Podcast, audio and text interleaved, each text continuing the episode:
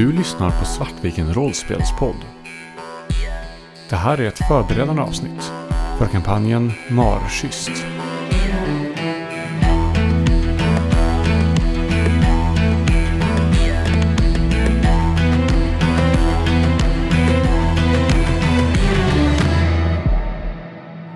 Hej och välkomna till Svartviken rollspelspodd.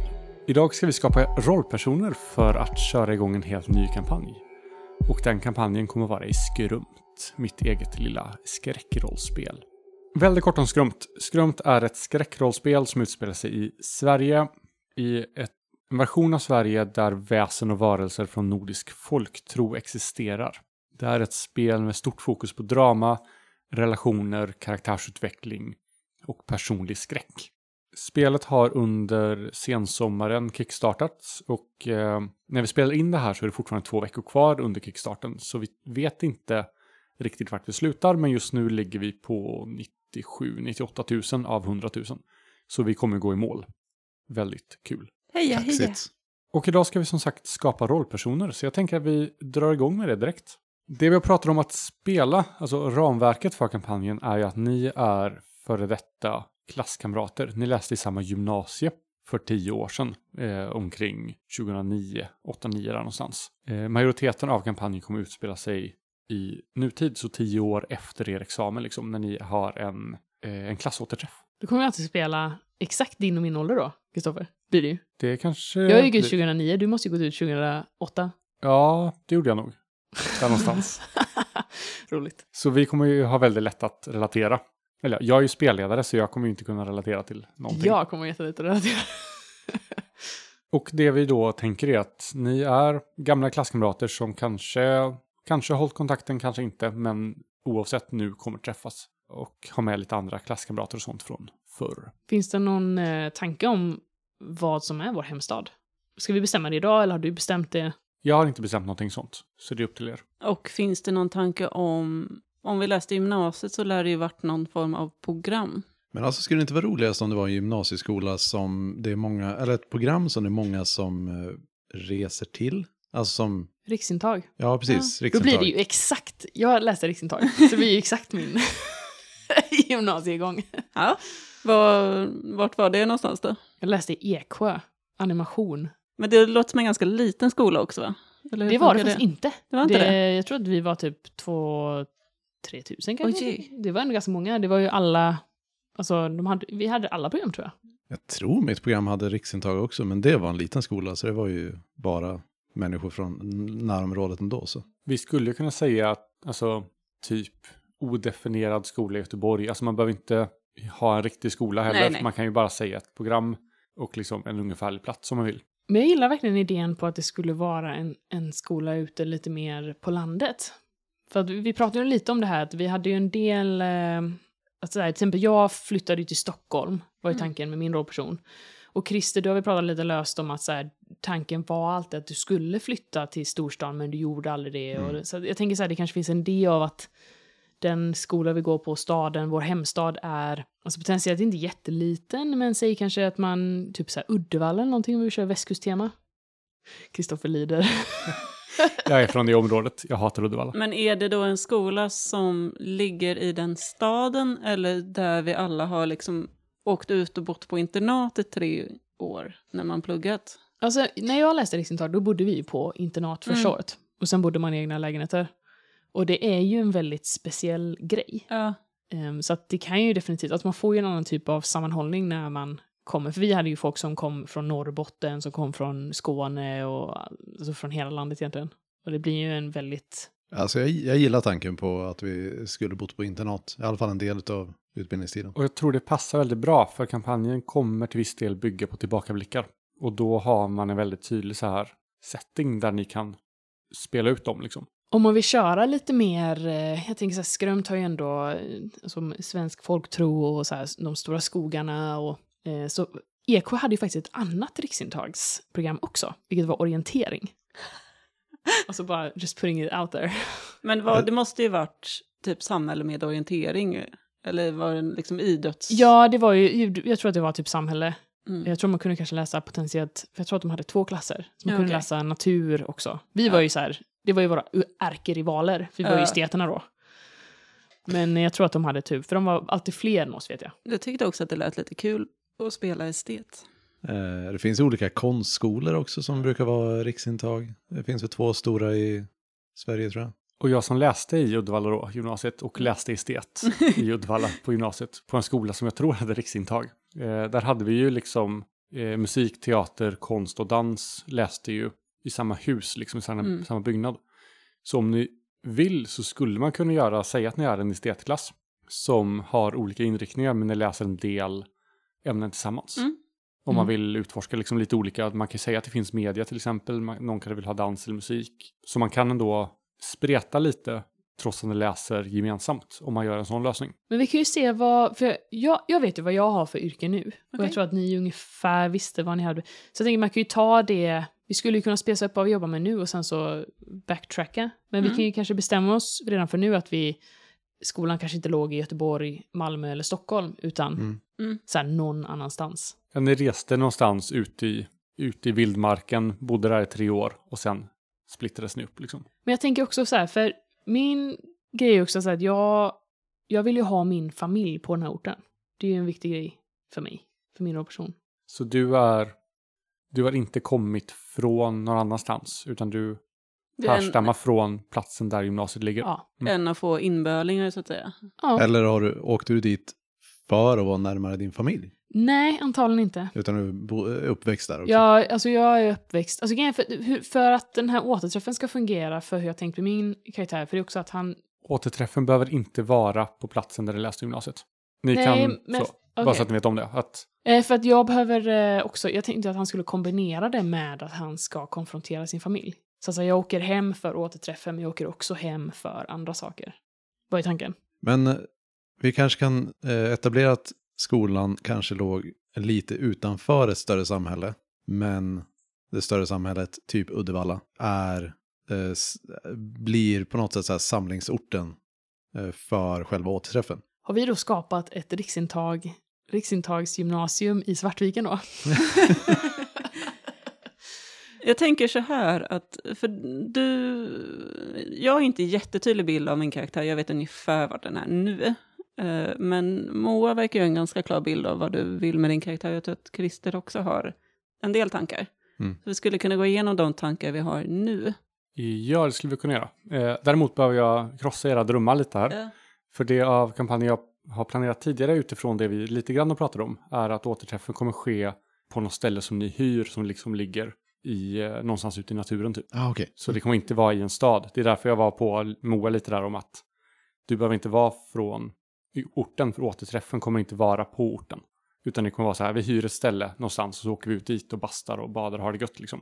Så det är mer en sån återträff som... eh, som Jo, men det, jag tänker att det fortfarande, då blir det jättebra om det är att vi hyr ett ställe som ligger liksom i trakten kring där, hög, där gymnasiet var. Så här, det skulle vara creepy om vi har återträff på gymnasiet kanske. Ja, precis. För jag ja. tänker en del av så här, för vi hade ju faktiskt en återträff för min eh, gymnasieklass här om, vad kan det ha varit, typ två, tre år sedan. Eh, och då var man ju alltså runt omkring, för man vill ju ändå ta kanske så här några timmar eller någon dag där man åker och besöker skolan. Mm. Eller så, här, det- så gjorde vi i alla fall. Alltså att man gjorde ju andra grejer också. Och det var ju det fokus låg på. Men man ville också gå och så här, vi gick och hejade på gamla lärare och sånt där. Ja, nej men eh, det funkar. Mm. Alltså i Uddevalla-området så funkar. Mm. Bara att ni hyrt någonting en bit ut liksom. Men det är ju jättebra. Mm. Schysst. Då får alla i hemläxa sen att läsa på om Uddevalla och besöka Uddevalla. Så att vi har stenkoll på alla platser. Eh, Google Maps finns. Jag har koll på Torp, eh, räcker Jag, det? jag kan vara inflyttad.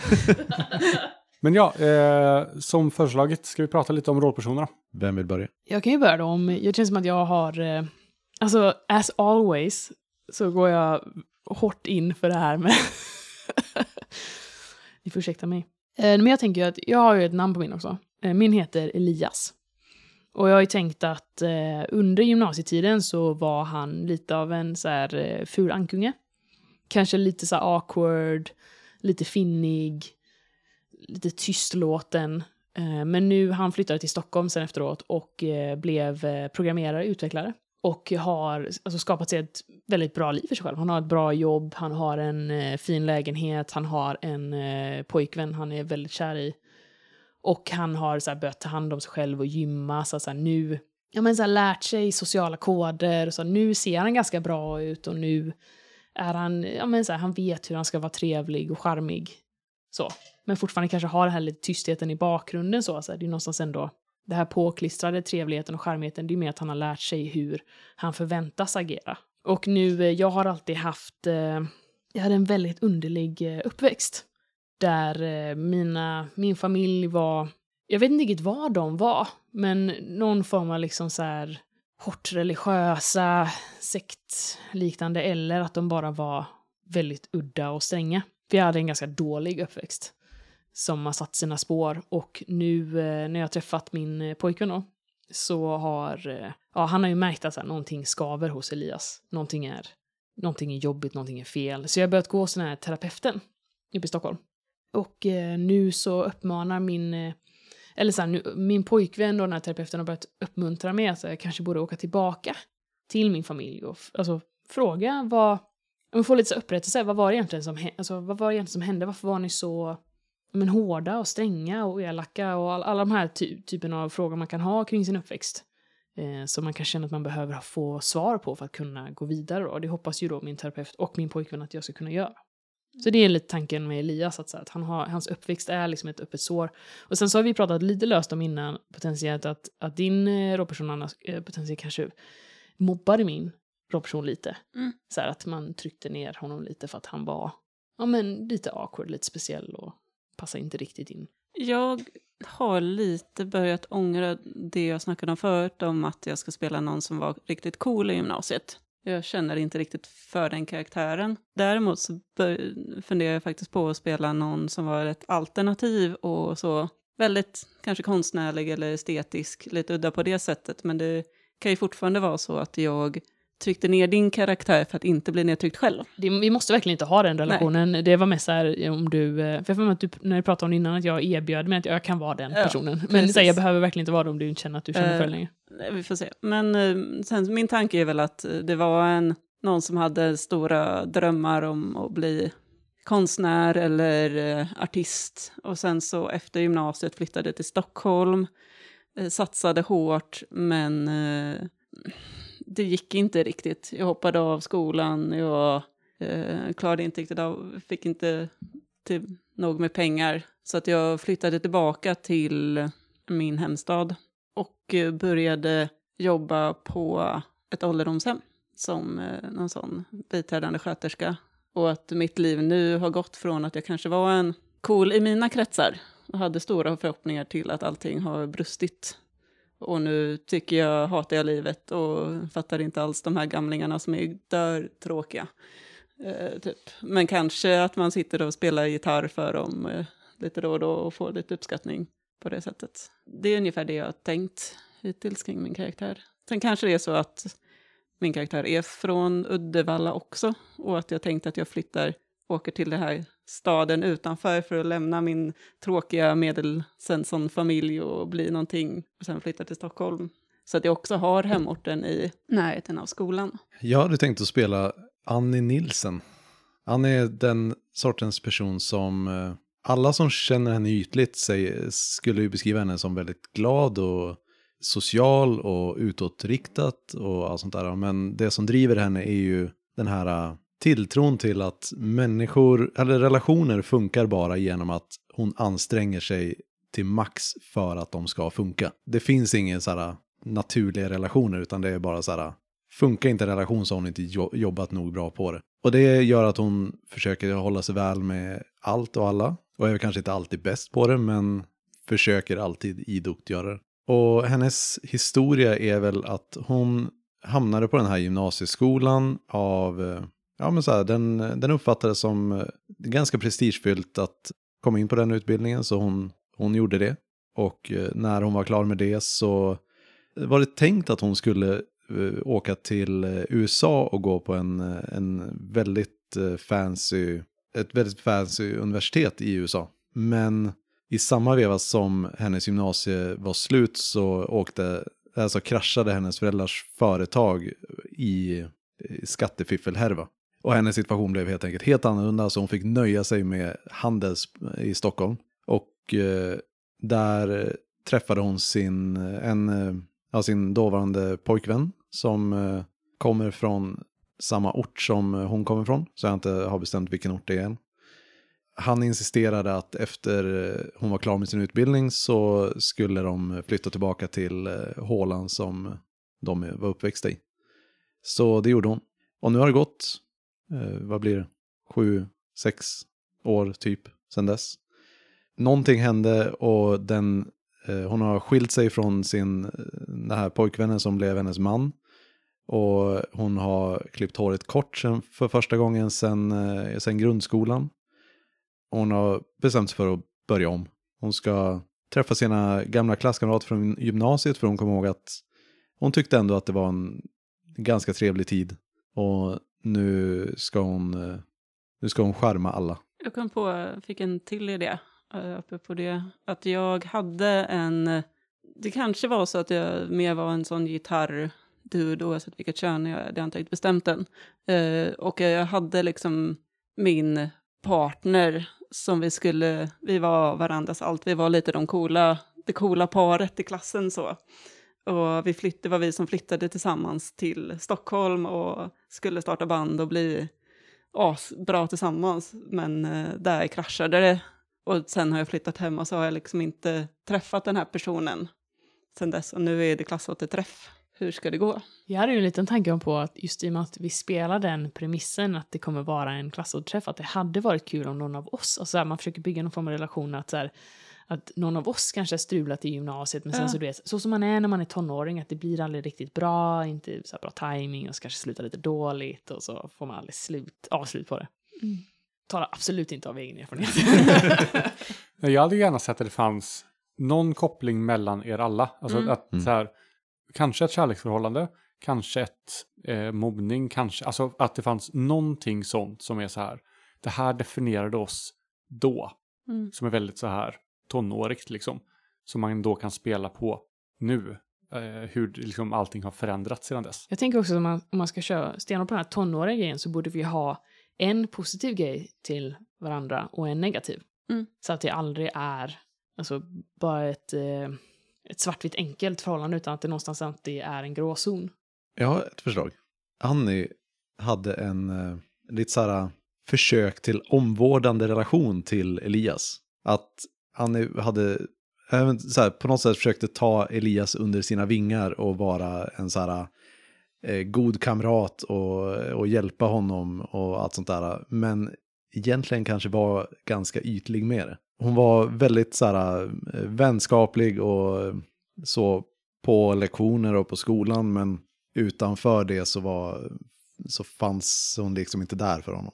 Så kanske mest intresserad av att andra skulle tycka väl om det för att du tog dig an den här... Ja, men Lilla kanske inte så, för, så beräknande.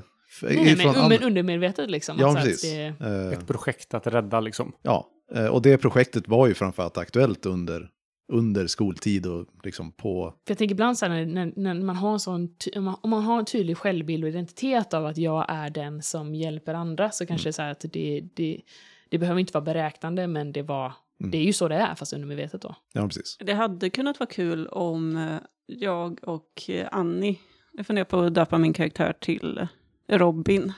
Eh, Jag och, eller Robin och Annie har typ strulat i gymnasiet eller haft någon, någon slags flamma. Det känns ju lite som att ni två är de här personerna som alla ville ha. Det känns ju lite som att Ja. att Krista har beskrivit den här eh, typiska drömmen av flickvänsmaterial Mm. när man var Mm. yngre. Alltså att det, åh hon är ju perfekt för att hon är liksom, she's all that. Och det känns ju som att du har beskrivit typiska liksom trånobjektet eh, när det gäller den manliga motsvarigheten. För min, min bild av Annie är ju verkligen att hon skulle inte committa till en relation i gymnasiet. Det är ju så här, det skulle inte funka med hennes bild av sig själv. Mm. Så. Men antagligen hade någon form av crush på Robin. Eh, och säkerligen agerar på det i viss utsträckning. Men det var, var verkligen så här, den relationen fanns också egentligen bara utåt.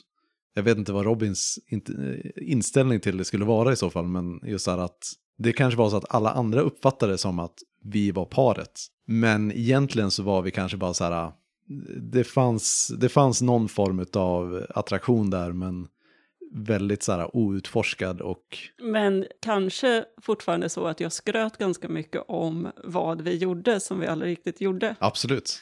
You're the worst!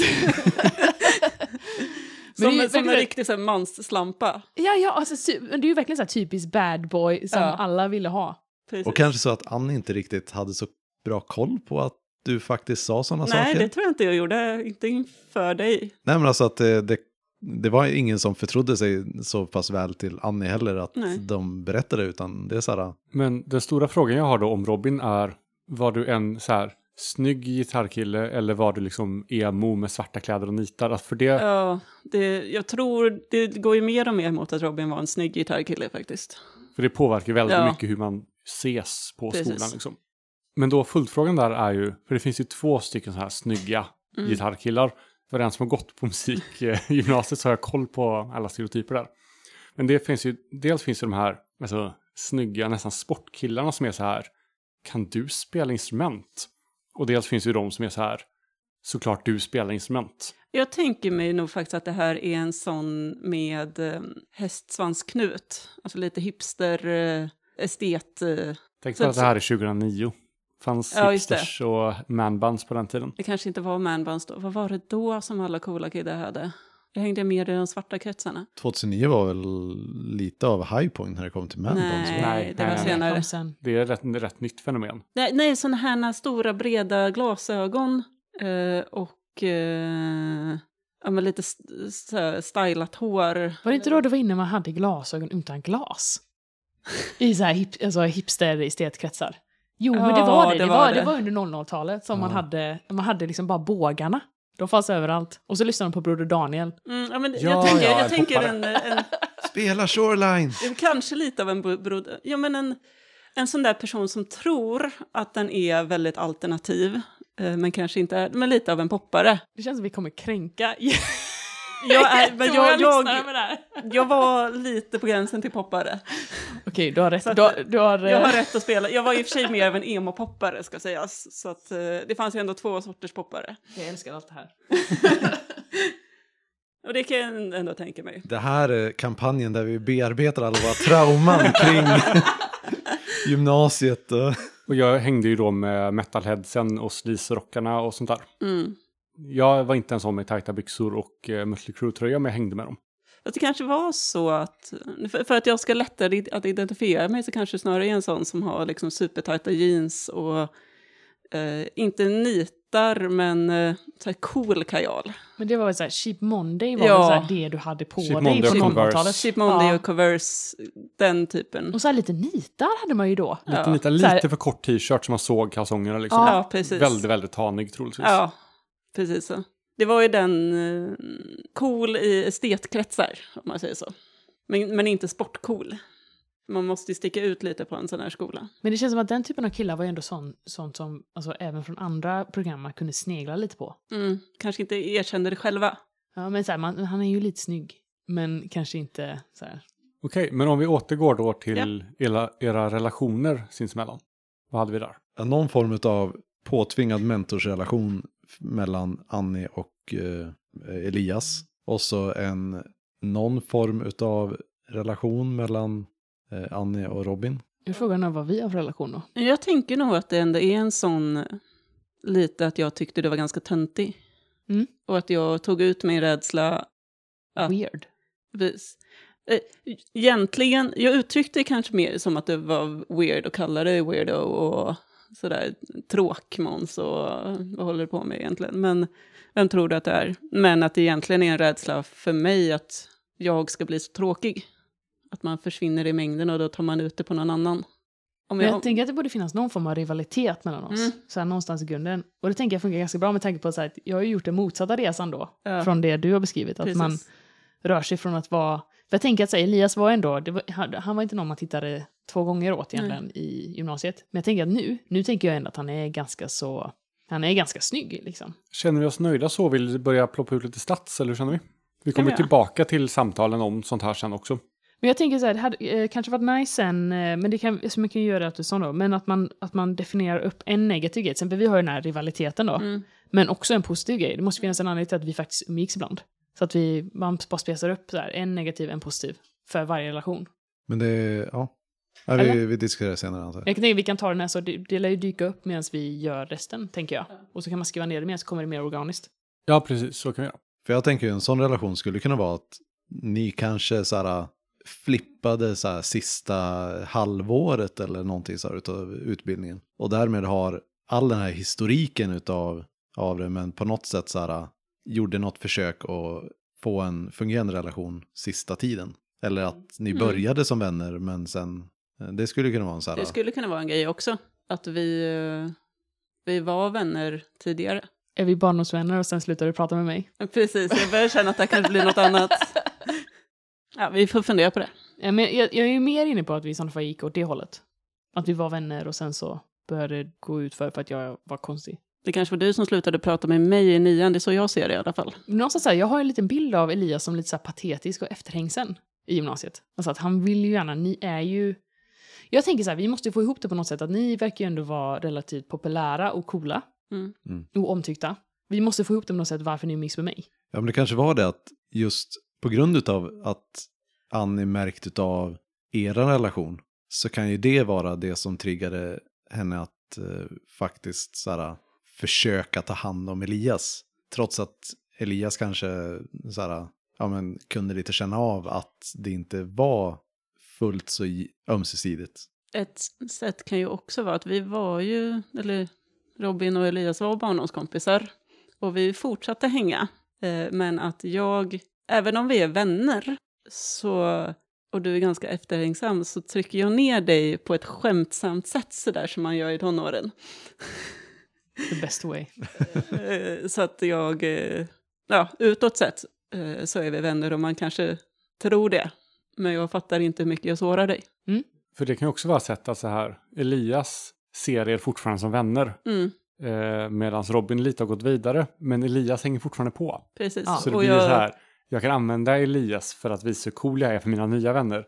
Precis. Och Elias fattar inte riktigt så, men jag har en konstant slagpåse med mig. Mm. Mm. Det, det, det, låter väldigt mycket i linje med hur jag tänkt mig Elias. Mm. Men jag tänker också att den här rivaliteten kan ju också uppstå från att Annie faktiskt visar mig uppmärksamhet. Ja, För uppenbarligen så har ju inte ni riktigt den relationen som du skulle vilja att ni hade. Nej, jag tänker att jag kanske vill ha, ha Annie på riktigt. Och, men sen så, och då är det så här, varför ger Annie all den här uppmärksamheten mot Elias? Mm. Elias är ju skitkonstig. Och då blir jag ju ännu mer att jag tycker ner Elias. Mm. För att Annie ska ju fatta att jag är mycket coolare. Eller då i alla fall. Så vi hängde fortfarande mycket i gymnasiet. Och det passar ju också bra om både Elias och Annie flyttar. Båda två flyttar ju till Stockholm. Jag, jag, tänk, jag förutsätter lite grann att det blir så här att vi, även om vi allihopa flyttade till Stockholm så är det så här, efter gymnasiet så bara ingen kontakt. Jag kanske smsade och skrev till er, men ni svarar inte. Och jag tänker att vi kanske... Jag hade gärna sett att vi var tillsammans ett tag i Stockholm. Okej. Kanske. Men att vi... Men ni två kanske var det. Men, men att Ja, vi sen... och sen så börjar ni eh, fasa ut mig. Och sen Det är fasar det ni jag- ut varandra. För jag funderar precis om, om jag så här, när Annie träffar sin, sin pojkvän. Nej, för det jag funderar på om, det, om, om man skulle säga att det hände redan innan gymnasiet var slut. Mhm. Men det skulle ju kunna vara väldigt kul om det i Stockholm blir någon form av stor scen Mm. mellan oss liksom. Och att, Du har varit otrogen. trots att vi egentligen inte så här hade någon Tyckte du ja. Ja, precis. det, det kan ju faktiskt bli ganska perfekt. Jag så här, introducerar min nya pojkvän och du så här, Va? men vår relation då? Och det är kanske där din så här självdestruktiva Ja, eh, cementeras. det, är liksom, det och i kombination med att i Stockholm kan ju alla spela gitarr. Du, du kanske var den bästa gitarr, gitarristen på... På skolan. Precis, och sen visade att du var inte så bra egentligen. Nej, men precis. Det är så jag tänker att det är. Eh, Sen behöver det ju, oavsett vad det var vi- jag läste, men jag tror att jag var den bästa gitarristen på skolan. Så. Jag har strukturerat upp en sån här lite nu. Det är jag Mm. tänkte skicka runt det så får ni titta. Eh, Just Elias, Robin, rivalitet. Robin, Annie, obesvarad kärlek. Annie, Elias, omvårdnad. En intressant relation att ha i kontaktnätet, eller i, i det här nätet, hade ju varit någon så här estet-bikille som inte är bi längre. Och en annan karaktär är hans ex, samkönade ex från gymnasiet. Och så här awkwardness som uppstår Bara utav så här, men jag trodde du var bi, men nu är det så här, Jag funderar på tvärtom faktiskt. Att eh, Robin, han har tröttnat på tjejer. Alltså han var, han var bi i gymnasiet, men han, där var han ju ändå officiellt mest straight. Han kanske strulade lite på, med killar på fester, men det var ju bara på skoj. Och det funkar ändå med en estet. Och sen så när Robin och eh, Annie bröt upp så hamnade han ju lite mer i riktiga estetkretsar lite mer och kanske utforskade sin sexualitet mer fritt där. Men sen har han bara varit singel och ensam när han flyttar tillbaka. Det gör ju Elias verkligen potentiellt till en jättetragisk karaktär som liksom bara så här hängt efter dig hela gymnasiet för att han tycker om dig. Men det kan också bli intressant nu, för det kan ju vara så att Robin egentligen tyckte om Elias under gymnasiet och kanske Men nu är det så himla mycket skit som har hänt liksom. Ja. Som bara, eh, och att Elias liksom inte vill, vill ha något med Robin att, att göra nu. Och han har ju, Elias har ju nu en väldigt bra pojkvän. exakt. Nu vet jag vad kärlek är. och Annie som var lite så här väldigt återhållsen till eh, Robin då, kanske inte har riktigt samma inställning till relationer nu och eh, så här, kanske återupptäcker sin, eh, sin förtjusning i, i Robin. Nu när han är en äkta. Så, Ska intressant triangel. ja. Alltså det känns ju verkligen, det är nästan, nästan lika snårigt som när vi spelade Skriet i Leviathan. ja, Skri ja, precis. Ja. ja, det var roligt. Men på tal om roligt ska vi gå vidare till de tråkigare delarna Mm. och börja sätta ut lite stats. Det är nästan som man glömmer att man måste göra det så här, när man Ja. spelar med mer. Tack och lov så är ju den delen rätt enkelt avklarad här och sen kommer vi in i de intressanta delarna igen. Det första vi ska göra då är att sätta ut attribut. Attribut är fysik, kyla och vilja. De sträcker sig mellan 1 och 5. Börja sätta ut 1 till 4. Och sen kan man med hjälp av en fördel då flytta runt ett poäng. Ni har 10 poäng att sätta ut mellan de tre. Och om ni har glömt det så är ju attribut är ju det ni ska slå på eller under för att lyckas med världen. Alltså vi har tio sätt ut på attributen och sen ytterligare poäng att sätta ut på, eh, På eh, färdigheter. Ja. Jag funderar lite på vilken färdighet som gitarrspelande skulle falla in under egentligen. Gitarrspelande. Mm. Eh, rörlighet skulle jag säga. Jag tänker också att eh, styrka är någonting som jag är nu om jag jobbat som vårdbiträde. Så att eh, fysik kommer nog vara min starkaste. Det finns också som ni ser under kunskapsområden två tomma eh, linjer.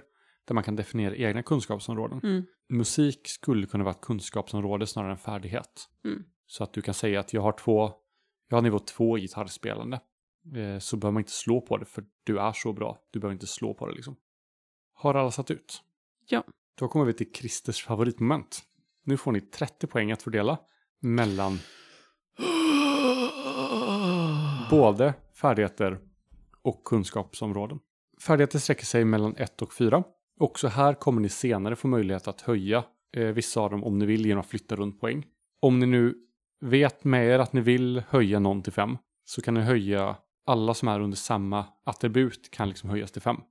Så ni kommer inte välja en, en färdighet att höja till 5 utan ni kommer välja alla färdigheter kopplade till vissa attribut kan höjas till 5. Okej, Eh, kunskaps- fem är högsta. Ja, kunskapsområden kan ni ha ett av dem på tre. Resten av dem max två. Men också där finns det en, färd- en eh, fördel som säger att ni kan ha två kunskapsområden på tre. Om ni vill. Jag antar att eh, programmering går in under datavetenskap. Ja. Och varje plupp räknas som en. Men som jag vill köpa teknik 5 då, då blir uppmärksamhet och skjutvapen också automatiskt 5. Nej, då kan du höja dem till fem också om du vill. Du tar bort den spärren på alla tre. De blir inte automatiskt fem, men du kan köpa upp till fem på dem. Och det kan jag inte annars. Alltså sen liksom. Jo, eh, senare under spel kan du höja det, men under karaktärsskapande så är spärren fyra om du inte väljer fördelen. Man kan tänka att om man har tre i ett attribut och tre T10 då i en färdighet, då har man ungefär 65% chans att få minst en framgång. Så 3-3 kan man tänka är något slags strax över eh, 50% chans att få lyckat. Hur mycket är tre i kunskapsområden? Det är att du är väldigt bevandrad i det. Det kan vara någonting du har jobbat med i flera år eller liksom du har ett extremt stort intresse inom. Det är lite ett expertområde nästan. Ja, då tänker jag att musik kan vara ett sånt. Särskilt om det är någonting du har fortsatt med efter gymnasiet. Liksom Mm. att det är att, Ja, jag tänker ändå att jag har gått någon form av musikfolkhögskola. Mm. Ja, då är det fullt rimligt Eh, att du Sen har. kanske jag inte klarade hela utbildningen eller att jag inte blev någonting efter själva skolan. Men du sitter ändå på kunskapen. Men jag sitter liksom. ändå på kunskapen. Vad innebär teknik? Teknik kan vara allt från att bygga en bro, laga en bil eller... eh, Hantera en dator eller? Ja, precis. Det är en väldigt bred sån. Jag eh, tänker att av eh, realismskäl så lägger jag till kunskapsområdet produktutveckling. Det funkar. Tänker att det kan säkert komma till användning på något kreativt sätt. Det kan ju också bakas in i ekonomi till exempel om du vill. Nej, men jag tänker så här, vad ska man kalla det? Vad heter det? Eh, design, alltså produktdesign tänker jag mer. Ja, okej. Så eh, produkt, jag döper om det till produktdesign. Visst kan man ha noll i, no- i en färdighet? Ja, det kan du. Får man slå med minus då, eller funkar det?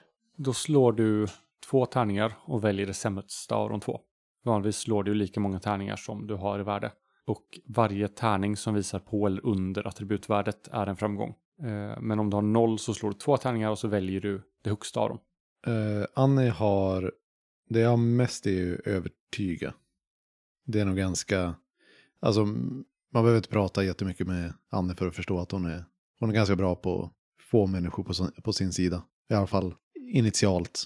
Sen så är hon också, jag har ganska högt på de fysiska. Fysik har jag inte sökt i, men jag har, jag har däremot satt tre på rörlighet. För Annie har, speciellt senaste åren, hållit sig i väldigt bra skick med ja, men så här, populär träning.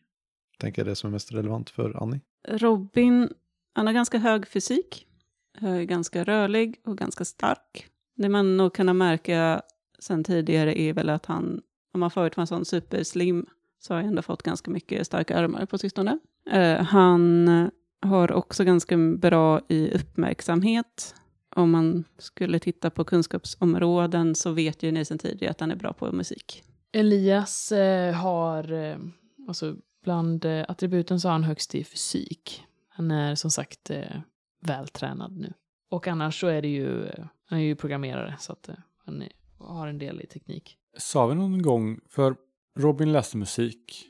Sa vi vad ni läste på gymnasiet? Annie läste media. Jag var ju lite inne på att eh, alltså, Elias skulle läsa till bild.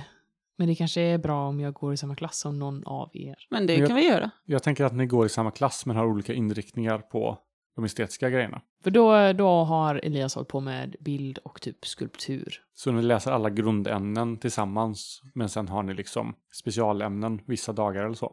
Yes, då går vi vidare till för och nackdelar. Och ni kommer välja två fördelar och en nackdel. Och det är nu då ni kan välja att, väl, att ta fördelar som låter er höja attribut eller färdigheter till fem. Eller välja ett till kunskapsområde att höja till tre.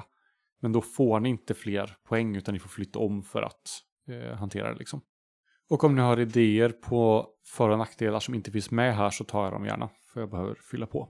Det här med förmåga och sånt där. Är det underförstått att det är tränad på något sätt eller kan det vara en... Det är en magisk förmåga som du troligtvis, eller din rollperson troligtvis inte är medveten om att den har. Okej, så det kan, det kan vara typ carry. Ja, precis. Det kan vara så här eh, att du, men låt säga att du har förnimmelser till exempel, som är att du kan ana vad som kommer hända. Då kan du få plötsligt så här, bara en magkänsla av att det här är en jävligt dålig idé. Eh, eller om du har mörkerseende som låter dig se i väldigt mörka utrymmen ibland så är det så här, ibland så är det som att mörker inte påverkar dig, du vet inte varför, du kan inte kontrollera det riktigt. Du som spelare väljer ju när de är aktiva genom att spendera ödespoäng, men rollpersonen vet inte om det.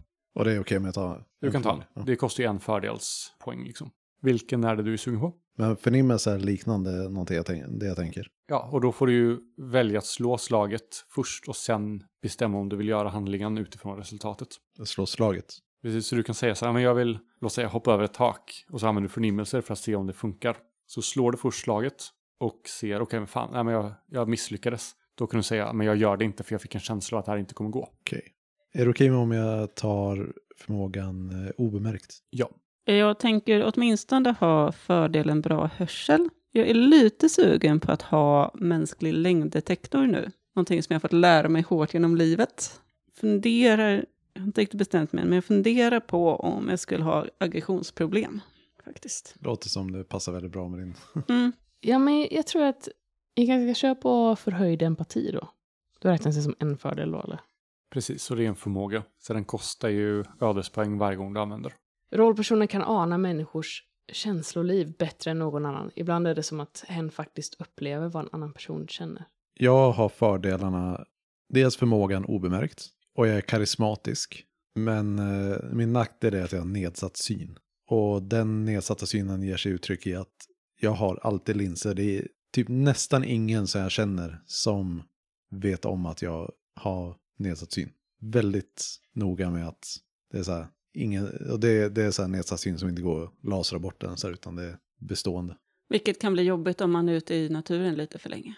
Så det är inte så att du bär runt Oh, på yes. glasögon direkt, eller? Kanske.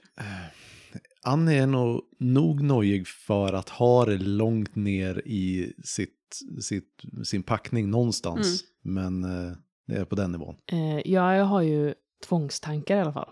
Det vet jag. Vill du dela med dig till klassen vad det handlar om? Jag tror inte jag har kommit på det än. Jag vet att jag har någon form av tvångstankar. Men eh, ja, jag får tänka lite på det. Den eh, obemärkt som jag har är ju att eh, jag, kan, eh, jag kan stundvis gå helt obemärkt genom ett rum. Det är som att folk har glömt bort att jag överhuvudtaget var där. Jag vet inte vad jag ska få annan fördel. Måste, eh, men man, jag skulle kunna återkomma med det, eller? Om jag inte kom på någonting Ja, bra. det funkar. Jag skulle kunna ta våldsam. Det känns inte som en fördel riktigt. Skulle ju matcha Robin. Ja, precis. Våldsam som fördel är ju att man ändå man är bra på att föra våld men man har kontroll på våldet. Mm. Robin har aggressionsproblem som är att impulskontrollen liksom är fucked up. Men jag kanske, jag kanske tar våldsam då. Mm. Du kanske har slagit dig fram genom livet på senare. Alltså jag har ju tänkt, för jag satte faktiskt, jag har två i närstrid. För jag tänker mig att, att Elias ändå har börjat med, han gymmar ju och han kanske går i någon form av kampsport som Man vet ju folk som går i kampsport där. lite våldsamma sådär. Nej men jag tänker som eh, träning. Så. Mm. så att jag kan bruka våld på ett Kontrollerat sätt. ja, på ett kontrollerat sätt. Utan någon anledning känner jag att Annie måste ju gå, alltså måste ju vara en crossfittare. Det är så här, Det känns väldigt rimligt. Det känns som att jag Ja. har fått en väldigt Ja. bra bild av Annie. ja, men det, Och det, Robin. Det måste nog vara så faktiskt. Jag tänker mig att Robin nu har blivit lite så här, men småfet med starka armar. Eh, så. Jag ser det precis framför mig. Och Annie antar jag är lång med vältränad, blont hår uppsatt i en fläta liksom högt på huvudet. Nej men Annie är kort faktiskt. Kort, kort hår, Ja. tänker jag. Just det, hon klippte sig ja. Ja, fast, och sådär så här- lagom gyllenbrun, tänker Mm. jag. Ja, absolut. Jo, Verkligen. men så här, fast det, det här med kort hår och eh, väl eh, solad och verkligen gått all in på träningen är ju någonting som har kommit senaste ja, men, två åren ungefär. Men innan det så var det ju alltid eh, så här prydlig hästsvans uppsatt. Alltså jag får lite bilden av Annie att hon var en sån person som aldrig typ behövde smink. Utan så att man liksom kanske satte på sig lite läppstift ibland. Ja. Men så här perfekt hy, så att aldrig någon concealer eller liksom foundation. Inte vad man la märke till i alla fall. Nej, precis, hon var alltid den som gav intrycket av att aldrig behöva, eh, aldrig behöva sminka i alla fall. Hon hade, ju- det är ju någonting hon lärde sig tidigt att så här, diskret sminka liksom. Men då har alla för och nackdelar va? Mm. Ska vi gå vidare till identitet? Och identitet utgörs av tre stycken komponenter. Dels är det spöket, dels är det rädslan och dels är det lugnen. Spöket är någonting som hände i rollpersonens förflutna innan kampanjen eller äventyret börjar. Det är någonting som fortfarande hemsöker personen på något sätt som har lämnat någon slags psykologiska eller mentala ärr och efterlämningar liksom. Och från spöket så föds en rädsla. Rädslan är en direkt konsekvens av spöket. Det är någonting som rollpersonen fruktar över att behöva uppleva eller behöva uppleva igen. Och från rädslan då så finns också en lugn. Och lugnen är det som rollpersonen intalar sig själv. En slags försvarsmekanism för att inte behöva uppleva rädslan. Eh, ett exempel kan vara eh, ett spöke som är min stora kärlek utnyttjade mig bara för min egen vinning. Eller för sin egen vinning. Rädslan som föds på det kan vara att mina nära och kära ser mig bara som ett verktyg för sin egen lycka. Och lugnen är då endast de svaga blir utnyttjade. Jag måste vara stark och utnyttja andra för att inte själv bli utnyttjad. Har vi några tankar på identitet? Christer har redan skrivit lite. Ja, eh, så jag får se om jag får skriva om det här eller inte. Det jag tänker är, Annis identitet är Spöket är att hon blev mobbad i, genom i stort sett hela grundskolan. Istället för att få stöd och stöttning hemifrån på det så fick hon mer eller mindre konstant höra att eh, det var det är hennes fel att hon inte har betett sig på rätt sätt eller inte skaffat rätt vänner eller inte varit en nog bra person för att folk ska tycka om henne. Ur den här, det här spöket så föddes rädslan att eh, bli övergiven och ensam helt enkelt, oälskad. Eh, att ingen ska, ingen ska bry sig längre. Lögnen som hon har intalat sig på grund av det här är att eh, det enda som egentligen spelar roll är hur hårt jobb man lägger på relationer och att få människor att tycka om en. Popularitet är liksom det som räknas när det kommer till vad som är värt någonting. Ja, inte bara popularitet utan hur, ja, men hur man odlar och behåller relationer genom hårt arbete. Genom Okej. att ha koll på precis varenda kalender och ha koll på eh, allas så här, se, vad heter det, inte seder men Traditioner och... Ja, allting som, allting som spelar roll för att göra rätt i relationer är det som Och det spelar hon, roll. hon är då övertygad om att om hon inte uppehåller det här så kommer folk överge henne. Absolut. Ja, skitbra. Eh, och där ska också sägas då att lugnen är ju någonting som rollpersonen vill uppehålla. För det gör att rollpersonen lever liksom ett, ett tryggt och bekvämt liv. Men det är också någonting som spelaren vill krossa. Spelaren vill ju motbevisa lugnen för rollpersonen. Så att rollpersonen inser att det är en lugn och därmed faktiskt kan finna lycka på riktigt. För det är ju ett, ett negativt beteende som man intalar sig själv för att man är rädd för att uppleva någonting. Så det är så man kan tänka kring lugnen. Har Anna eller Moa idéer? Jag måste bara, jag noterade nu att ett av exemplen på uh, spöke var ju, jag blev felaktigt anklagad och dömd för mordet på min make. för de som lyssnar på Var, Modeskova. var, var det inte någon annan som var eh, min mamma sitter i psyket eller sånt också? Ja, nej, det är exempelkaraktärens så, eh, som finns i Ja, okej. har det. Mm. Och just det, en sak till om det här. Det är bra men inte nödvändigt att rollpersonen intalar sig själv om att spöket är hennes eget fel. Eh, det var Bruce Waynes fel att föräldrarna dog, för om inte Bruce hade blivit rädd när de var på föreställningen så hade inte föräldrarna lämnat. Och då hade de inte blivit skjutna. Då hade han inte behövt bli Batman. Jag har en liten idé. Eh, jag vet inte riktigt hur jag ska utveckla det, men jag tänker att mitt spöke, det kanske är väldigt gammalt å andra sidan, men en- del i det spöket kan vara när eh, Annie var otrogen, och, för det är ju där min stora krasch är.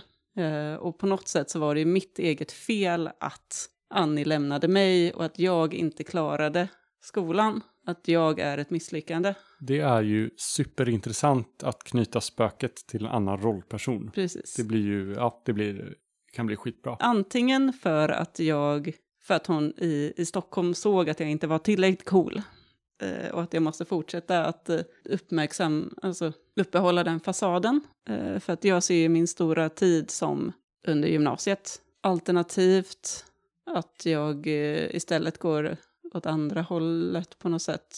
Men jag tror att det är något sånt att jag är, mitt spöke handlar ju på något sätt om att, eh, att jag varit övergiven. Och min lögn är ju att jag inte räcker till. Och eh, mitt, nej, min rädsla är att jag inte, jag är värdelös, är egentligen min rädsla. Att folk ska komma på att jag är värdelös. Ja, precis. Om de kommer på det så kommer de överge dig Precis. igen. Så din rädsla där är ju egentligen, om man ska borra ner i det, Ja. att bli övergiven. Mm. Mer eller mindre. Men man kan ju ta det som att din rädsla är att visa sig värdelös för att jag kommer bli... Mm. Alltså, man kan ju bygga ut den som en... Fast jag funderar också på om det är just... Jag tror snarare att rädslan är att jag blir sedd som ett misslyckande på Okej. något Mm. sätt. Eh, för egentligen så... ja, Jag tror inte jag bryr mig så mycket om Annie nu för tiden. Nej. Utan det är mera att jag misslyckades och är tvungen att flytta tillbaka. Jag kanske bor hos mina föräldrar. Jag var inte... Ja, men jag är rädd att se som ett misslyckande. Men det funkar också skitbra. Vad är då lugnen du intalar dig för att inte se dig själv som ett misslyckande? Eller att andra inte ska se dig som ett misslyckande? Mm, det är just det. Ja, det, här, det är ju det är inte riktigt sådana saker som man bara så spottar ur sig. Nej, Nej. Jag tror jag vet vad mitt spöke är i alla fall. okej. Och det är att eh, min familj inte älskade mig. Eller så här, de behandlar mig på sånt sätt så att det inte, de kan ju inte ha älskat mig. Mm, den är också jättebra. Men Anna, Mm. eh, man kan tänka så här då att vad är det som Robin nu lägger värde i som ersätter? Så här, han kanske är superinne på att så länge jag visar mig vara bäst på mitt jobb så kommer folk inte tycka att jag är värdelös. Eller så länge jag visar att jag är bäst på det här eller kan det här. Alltså Mm. vad, vilken försvarsmekanism eller beroende eller någonting har han, gör han för att liksom få folk att tänka på det istället för att tro att han är värdelös? Jag kom på att spöket kan nog ha flera lager, men jag tror att jag är lillebror. Eller, eller att jag är storebror och har en extremt lyckad lillebror. Alltså, så det finns liksom ett lyckat, en förväntan att man ska lyckas i familjen. Mm, ja, Och jag har ju försökt gå min egen väg men misslyckats. Di- Och din brorsa är en succé liksom. Min brorsa är en och, succé. Och, och du blir alltid jämförd med så här, med din brorsa kanske. Att Ja. så här, jaha, har den en brorsa, vad gör den då? Ja, Och så den här konstanta liksom. Om du är storebror, det är ju att, så här, att, att storasyskonet ska ju gå i täten. precis. Oftast. Så att, säga, att, att, eh, att ett småsyskon kanske inte lever efter sanningen. Så här, ja, det är ju jobbigt på sitt egna sätt, men Mm. någonstans är det ändå mer typ naturligt Mm. på ett sätt. Att, så här, att man har inte samma förväntningar. Men, men när någon som alltid har följt efter en helt plötsligt går om en, det är ju också så här, en helt annan typ av dynamik. Är ditt småsyskon en musiker också? Är det det jag funderar på? För det kan ju bli en väldigt så här, du var bäst på gitarr, Ja. men du var inte lika bra på att skriva musik. Och i Precis. slutändan så visade det sig att din brorsa som inte var så duktig på att spela blev succén för att han kunde Nu är han i typ LA eller någonting. Ja. Åh, fy. Eller ännu bättre, kvar i kvar Sverige. i jag tänker att, att han eh, är kvar i Stockholm. Precis, för en viktig grej med identitet är också att Mm. försöka koppla dem till kontakter. Att hänga upp identiteten, rädslan och lugnerna Mm. på människor som fortfarande finns i ens närhet på något vis. För då har man redan där börjat bygga på nästa steg liksom. Mm. Men det kan ju vara, det kan ju vara ditt spöke. Precis. Rakt av att du liksom alltid har blivit jämförd med din bror som har gått om dig och liksom, Jag är ju sämre än min lillebror. precis. Det är mitt spöke. Men då är frågan bara vad lögnen är just nu för att ha liksom coping eftersom jag hamnat i en sån skitsituation som jag har. Ja, men det är ju att vara en sellout, att tjäna pengar på musik. Jag tänker, din lögn som du intalar är att om, om du skulle bli, alltså lyckas rent så här enligt samhällets normer så skulle du vara ännu mer värdelös än vad du är genom att bara vara sämre än din, din bror. Att du håller dig, din lögn håller dig nere, alltså så här hindrar dig från att gå vidare i livet bara genom att, så här, för att då, då skulle du vara sellout precis som, För, jag tänker, för det är ju inte ganska typiskt grej, så här, man inte, eh, om man inte lyckas så är det liksom att säga, ja men vadå, jag gör det ju inte för, jag gör det ju inte för pengarna. Så här, jag gör ju konst. Ja, för jag tänker att lugn där skulle kunna vara typ, jag har nått min potential. Och, så här, och jag är nöjd med det där jag är. Och Mm. Ja. att det är så här, man intalar sig själv det för att dämpa känslan av att känna sig som en misslyckande. Mm. Så här, jag behöver inte mer än det här. Jag har ett, ett 9-5 jobb, jag får in lön för räkningar, jag har hälsan, jag är nöjd. Jag Mm. behöver inte mer. Visst, min brorsa kanske lyckades, men jag är nöjd där jag är. Alltså man intalar sig hela tiden här. Varje gång du ser att din brorsa varit med och uppträtt på Skansen så är det så här. Det kunde varit jag, men jag har det bra där jag är. Men jag har kvar min integritet. han Mhm. kanske lyckades men jag är bra. Jag är en Ja, bra men är- person. Men, jag gillar, jag är nöjd där jag är. eh, Ja. Faktiskt. För det är ju någonting, en lugn som egentligen behöver krossas för att han egentligen ska Mm. bli nöjd. Det räcker inte. Precis. För det, det jag tänker är att egentligen, jag satsade ju stort på musiken. Men egentligen så kanske jag var väldigt bra, alltså jag var, är en väldigt omtänksam person eller något sånt. Eller lugnen, det är bättre att inte försöka än att misslyckas.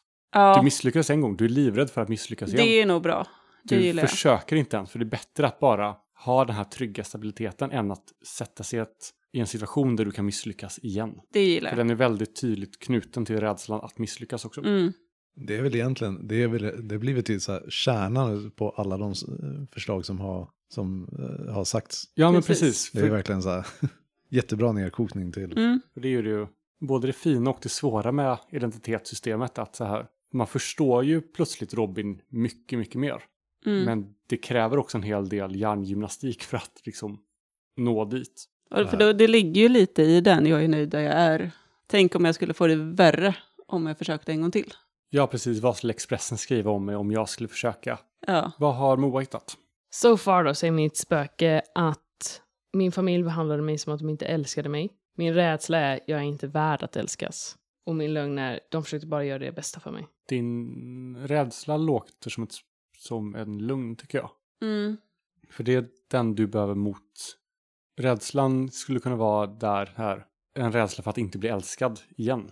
Eller så. Men lugnen kvar så här, jag, det är, jag är inte värd att älskas, det är mitt fel att de inte älskar mig. Att det är så. När du krossar den lugnen, först då kan du bli älskad. Jo, men jag tänker mer, alltså hela grundgrejen av det jag är rädd för är att jag inte är värd att älskas. Mm, fast, fast Så det är det, ju du, det jag är rädd för ska hända, att ingen ska liksom Precis. kunna älska mig. det du är Precis rädd där. för är att inte känna dig älskad. Det du är rädd för är väl att ingen ska älska dig? Precis. Och det, din lugn då är att du inte är värd att älskas. Jag tycker den, jag- tycker den lögnen är ju asbra i förhållande till det spöket. spöket. Ja, för jag tänker... Men sen kanske eh, rädslan kanske bör omformuleras till att vara mer som en rädsla. Men just så här, att lögnen, så här, de behandlade mig det för att det var det bästa för mig. Är ju fortfarande så här, ja, jag tycker det låter men bra. det är mer en lugn om dem än om dig. Hänger du med? Ja, för jag tänker så här att det blir ju ett så här, de var tvungna att vara så mot mig. Men hur påverkar det din relation med din sambo? Att jag nog kanske rationaliserar deras beteende.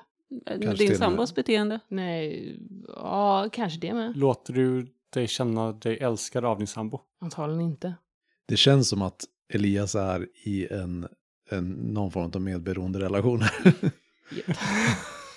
Därför jag Eh, tycker att din rädsla är en, en perfekt definierad lugn. Men jag har svårt att se den riktigt som en rädsla.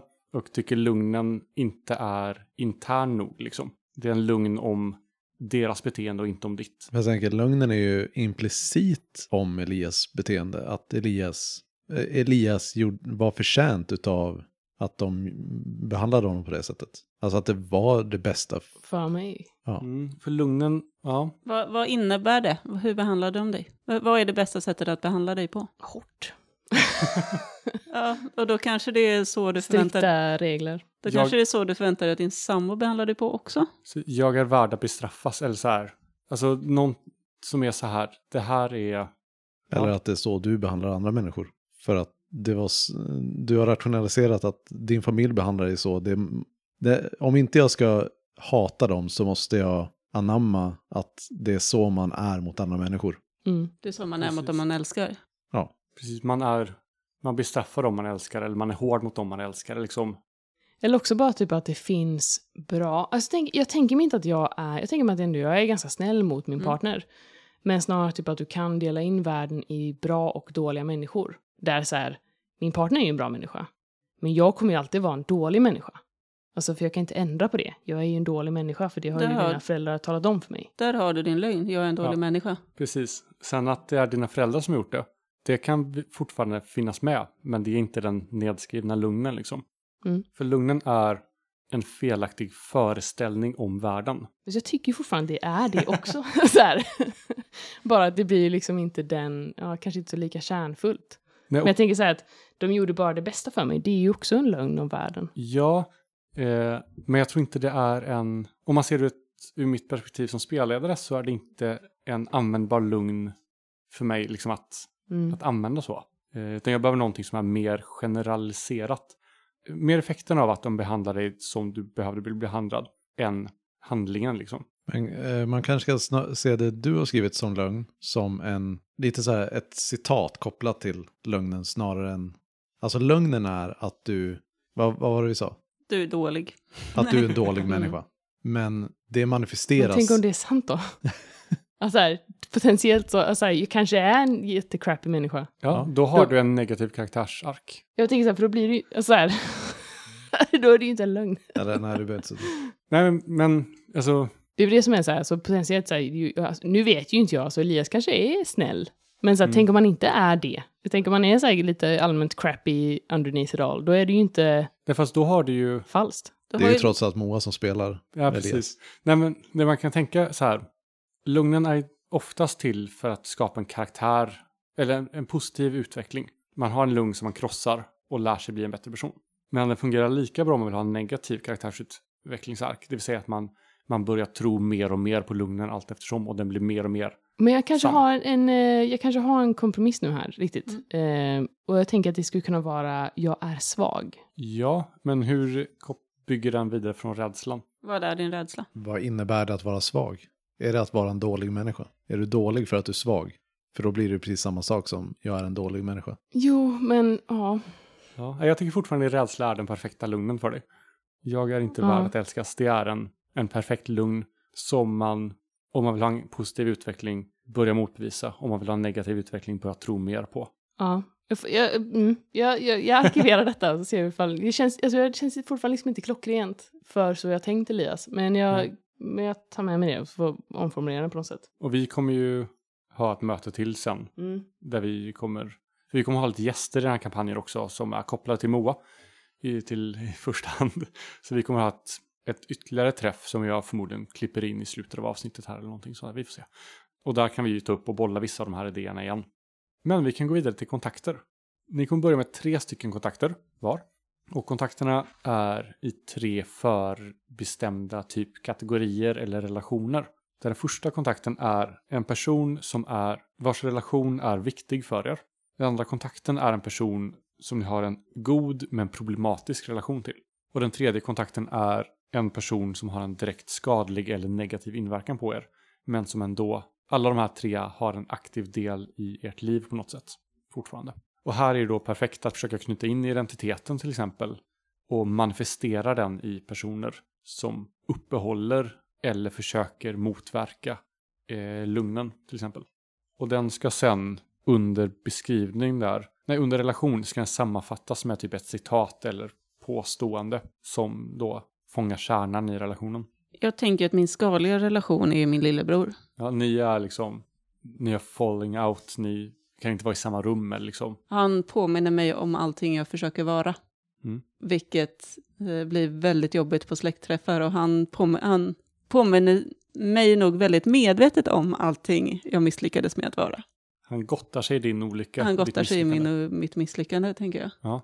Så han är en av de som alltid uppehåller lugnen för dig. Ja, precis. För där, man skulle också, jag tycker det är en jättebra idé, Mm. man skulle också kunna göra den som den gode men problematiska. Mm. Att han är helt oblivious, han tycker det är så här, vad bra att du hittar din lott i livet när det inte gick som du ville och alltid stöttande till, ja, det blir ju nästan värre. Ja, att relationen är precis. positiv. Men det är helt upp till dig. Och annars, då skulle det kunna vara någon förälder som är den skadliga. Ja, precis, den förälder som alltid jämförde er när ni var små. Precis. Som var så här, se nu vad, Och den som jag bor hos. ja men precis, som alltid påminner dig om vilket misslyckande Ja, det är. att, du, att jag hela tiden påpekar att jag måste flytta härifrån och Medan din bror egentligen är jätteförstående. ja. Vilket kanske gör det ännu värre för dig. Mm. Men du tycker ändå på något sätt om din bror som person, men inte vad han... står för. Min eh, negativa relation är ju min far, eh, Ralf Nilsson. Tänkte jag bara inflika. om vi båda får negativa relationer till våra föräldrar. Jag tänker nog faktiskt min mamma då. Jag har också en negativ relation till min mamma, obviously. Eh, Däremot så tänker jag att en viktig relation för mig nu, för jag gissar att vi inte har med spelarna nödvändigtvis i det. Nej, det är SLP, alltså Mm. allihop. Eh, Det är att det finns en tant på det här ålderdomshemmet eh, som kanske har fattat tycke för mig och min musik, men också som jag kan prata med. Kan vi göra det till en gubbe? För det var det En vi gubbe. pratade om en tidigare, som vi har planerat för. Absolut, en gubbe Ja, på det här ålderdomshemmet som kanske har gått igenom liknande resa som jag. Som vi kan, han kanske också kan spela lite gitarr och liksom Mm. En, en En bra, fin och en, en fin relation där. kanske är ditt enda ankare bland de äldre liksom. Mm. Min tanke är lite att den här personen har haft ganska stor kunskap om folkloristik. Eh, så jag satt ett i det. Eh, så att han eh, kan kontakta personen.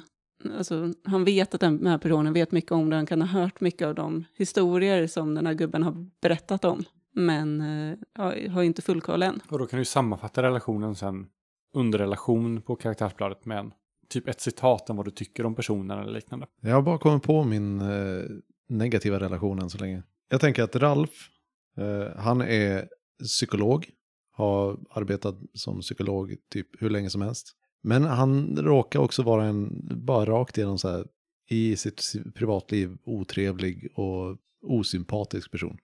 Citatet som jag skrivit till honom är vem kan tycka om någon som du? Är det han eller du som sagt det? Eh, han. Och det tänker jag genomsyrar lite allvar interaktion. Möjligtvis att Annis mamma har kanske till och med lämnat Ralf i det här laget. Men eh, av eh, egenskap av en god dotter så har ju Annie naturligtvis en regelbunden kontakt med, med Ralf ändå. Han klarar ju kanske inte sig själv riktigt så. Nej, alltså han, han lever väl ungkarlslivet nu och mer eller mindre fast han är liksom 65. Han kan inte det här med att sköta om ett hem. Så det är inte alltid, men det har hänt att han åkt dit och städat och lagat mat och allt sånt där. Men Du har blivit en mamma till din pappa. lite så. Ett sunt förhållande. väldigt sunt. Jag tror att min mors citat är Jag gav dig allt och du förstörde det. Vilken härlig bunt föräldrar vi har. Eh, nej men hon är väldigt omtänksam och hon var väldigt omtänksam och väldigt tålamodig i väldigt många år. Men hon såg ju, hon kanske till och med hjälp, liksom, hon såg ju mitt förfall. Hennes lugn kanske är att så här, framgång och prestige är allt som betyder någonting. Ja, precis. Så hon, hon kanske till och med betalade en del av min hyra när jag bodde i Stockholm ett tag. Eh, och det var hon som hjälpte mig komma in på skolan. Jag gav dig alla förutsättningar för att, lycka, för att lyckas och du sumpade ändå. Precis. Det är en väldigt bra sammanfattning. Jag har ju, i och med att eh, Liv och Anna kommer ju spela, Liv kommer ju spela min pojkvän. Och jag tänker att till pojkvännen har jag en, eh, alltså den relationen som är viktig för mig, som är bra. Och Anna kommer ju spela min mamma då, som jag tänker att det är en relation som är direkt skadlig för mig. Och de jag kan vi tänker, prata mer om då. precis, exakt, för jag tänker att det är bättre om de får spesa upp det själva. Och så hade du en mitten. Ja, jag vet, eh, vad, vad, alltså, vad innebär att den är god? Är det att vi är nära fast den är problematisk? För den kan ju uppenbarligen inte vara en bra relation om den är problematisk. Så det kan vara en så här en relation som Jag upplever som positiv men som egentligen inte är det. till exempel eller en som är väldigt på och av. Eller någon som bara är så här. Ni är väldigt goda vänner men hen har ett dåligt inflytande på dig. Alltså det finns någonting där som är så här. Som skaver. Men så typ så vi är nära, men det är inte en, en hälsosam relation för mig. Ja, precis. Man kan tänka det som att det är, om jämför med regelsystemet, ett lyckat men med en bieffekt. Det är, så här, det är i grunden en positiv relation, men det är någonting som inte är som, som det ska. Ungefär som mina rollpersoners relation till alla dina rollpersoner. Kolla i dina identitet och se ifall du kan hitta en person som liksom kan antingen vara en mentor som försöker berätta sanningen om din lugn som du tycker liksom är jobbigt. Eller en person som upprätthåller din lugn. Och det är liksom den skadliga bieffekten men som du ändå tycker är bra liksom. Det kanske är min psykolog. Ja, det skulle kunna vara. Jag kommer på en viktigare relation. Det är yogaläraren som, eh, som Annie Goros. Och det är en så här eh, riktig, jag har så här arketypen i huvudet men jag kan inte sätta ord på det utan att förolämpa säkerligen någon. Men jag tänker så här, eh, yogalärare som är me- mest har lärt sig allt den kan om yoga och dess historia genom att läsa Wikipedia och prata med andra människor på yogakurser. Och kalla sig själv för yogi satya, vilket bara är så här, det sanskrit-ordet för sanning. Och är rakt igenom bara en så här person som kommer med eh, självhjälpstips. Kanske är lite av en poser också. Ja, Så här, tar, dekorerar sitt hem liksom med, med föremål från andra kulturer utan att... Ja, ja absolut. Det är, helt, he, det, det är hela kärnan i vem den här personen är. Eh, Men Annie känner, känner honom bara som Yogi Satya. Ja, han Eh. kanske är en, en jättebra person och bra för dig liksom. Mm. Men han är en phony liksom. Ja, ja absolut. Så, ja, Precis, precis så jag tänker i den här relationen. perfekt. Det är så här, han, han har varit skitviktig för att Annie ska bara så här, faktiskt våga göra någonting med sitt liv. Men Han är din healer och ja, citatet, eh, du måste, älska du måste lära dig älska dig själv innan du kan älska andra. Jag funderar på om inte min lögn kan vara jag förtjänade det. Vad är det? Alltså min uppfostran. Alltså att de behandlar mig dåligt. Eller jag förtjänar till och med. Jag förtjänar det. Jag förtjänar att behandlas dåligt. Ja, men det är bra. Det är bra. för då påverkas dig fortfarande liksom. Och Och det, det kan ju göra dig obekväm om din kille behandlar dig bra. För bra. Exakt. För- vad, vilka faktiska konsekvenser i ditt handlande har det här? Vilka försvarsmekanismer föds utifrån den här lugnen? Hur påverkar det ditt beteende att du tror på det här? Det är antagligen att man blir obekväm när folk faktiskt är snäll mot en. Och att man inte sätter gränser för sin egen integritet när någon behandlar en dåligt. Jag behöver ett namn på mitt eh, ex. För det tänker jag ska vara den viktiga men problematiska relationen. Jag tänker att han, han ska vara så här jobbigt förstående ex. Sebastian. Sebastian. Jobbigt förstående. Ja, det är så här. Det, det började inte så bra med att han så här tvingade mig att flytta tillbaka till eh, hålan som vi kom ifrån. Men nu med uppbrottet och han, jag har skrikit på honom om hur orättvist allting har varit och hur jobbigt det har varit för mig. Eh, så har han liksom så här, Nej, men jag, jag förstår vad, vad du menar. Det, är så här, det var inte alls min avsikt att det skulle bli så, men Han tar Det- alltid din sida i konflikten. ja, och det, det har liksom gått från att Annie har gjort allt för att han aldrig ska känna någon sorts tvivel eller rädsla i deras relation till att nu när hon bara så här eh, viftar vilt så är han där för henne. Som det förstående exet. Jag tänker att Robins mamma, hon är typ en korist eller någon sån som sjunger i kyrkan. Eh, som kanske har sjungit i liksom, stora körer. Det är därför hon har kontakt med eh, Musikhögskolan i Stockholm. Och nu har hon slått sig ner här och är en, hon är en god kvinna på det där jobbiga sättet. Då blir det extra jobbigt om hon, liksom, hon har lyckats. Eh, och hon har, och hon har gett, verkligen gett Robin alla chanser att lyckas. Men nu är hon trött på det. Jag älskar alla personer vi har tagit fram här idag. De är avskyvärda allihop. Men jag älskar dem. Inte min pojkvän! Vänta bara. Men din psykolog då Moa? Ska vi prata lite om henne? Ja, Är det någonting du vill prata om?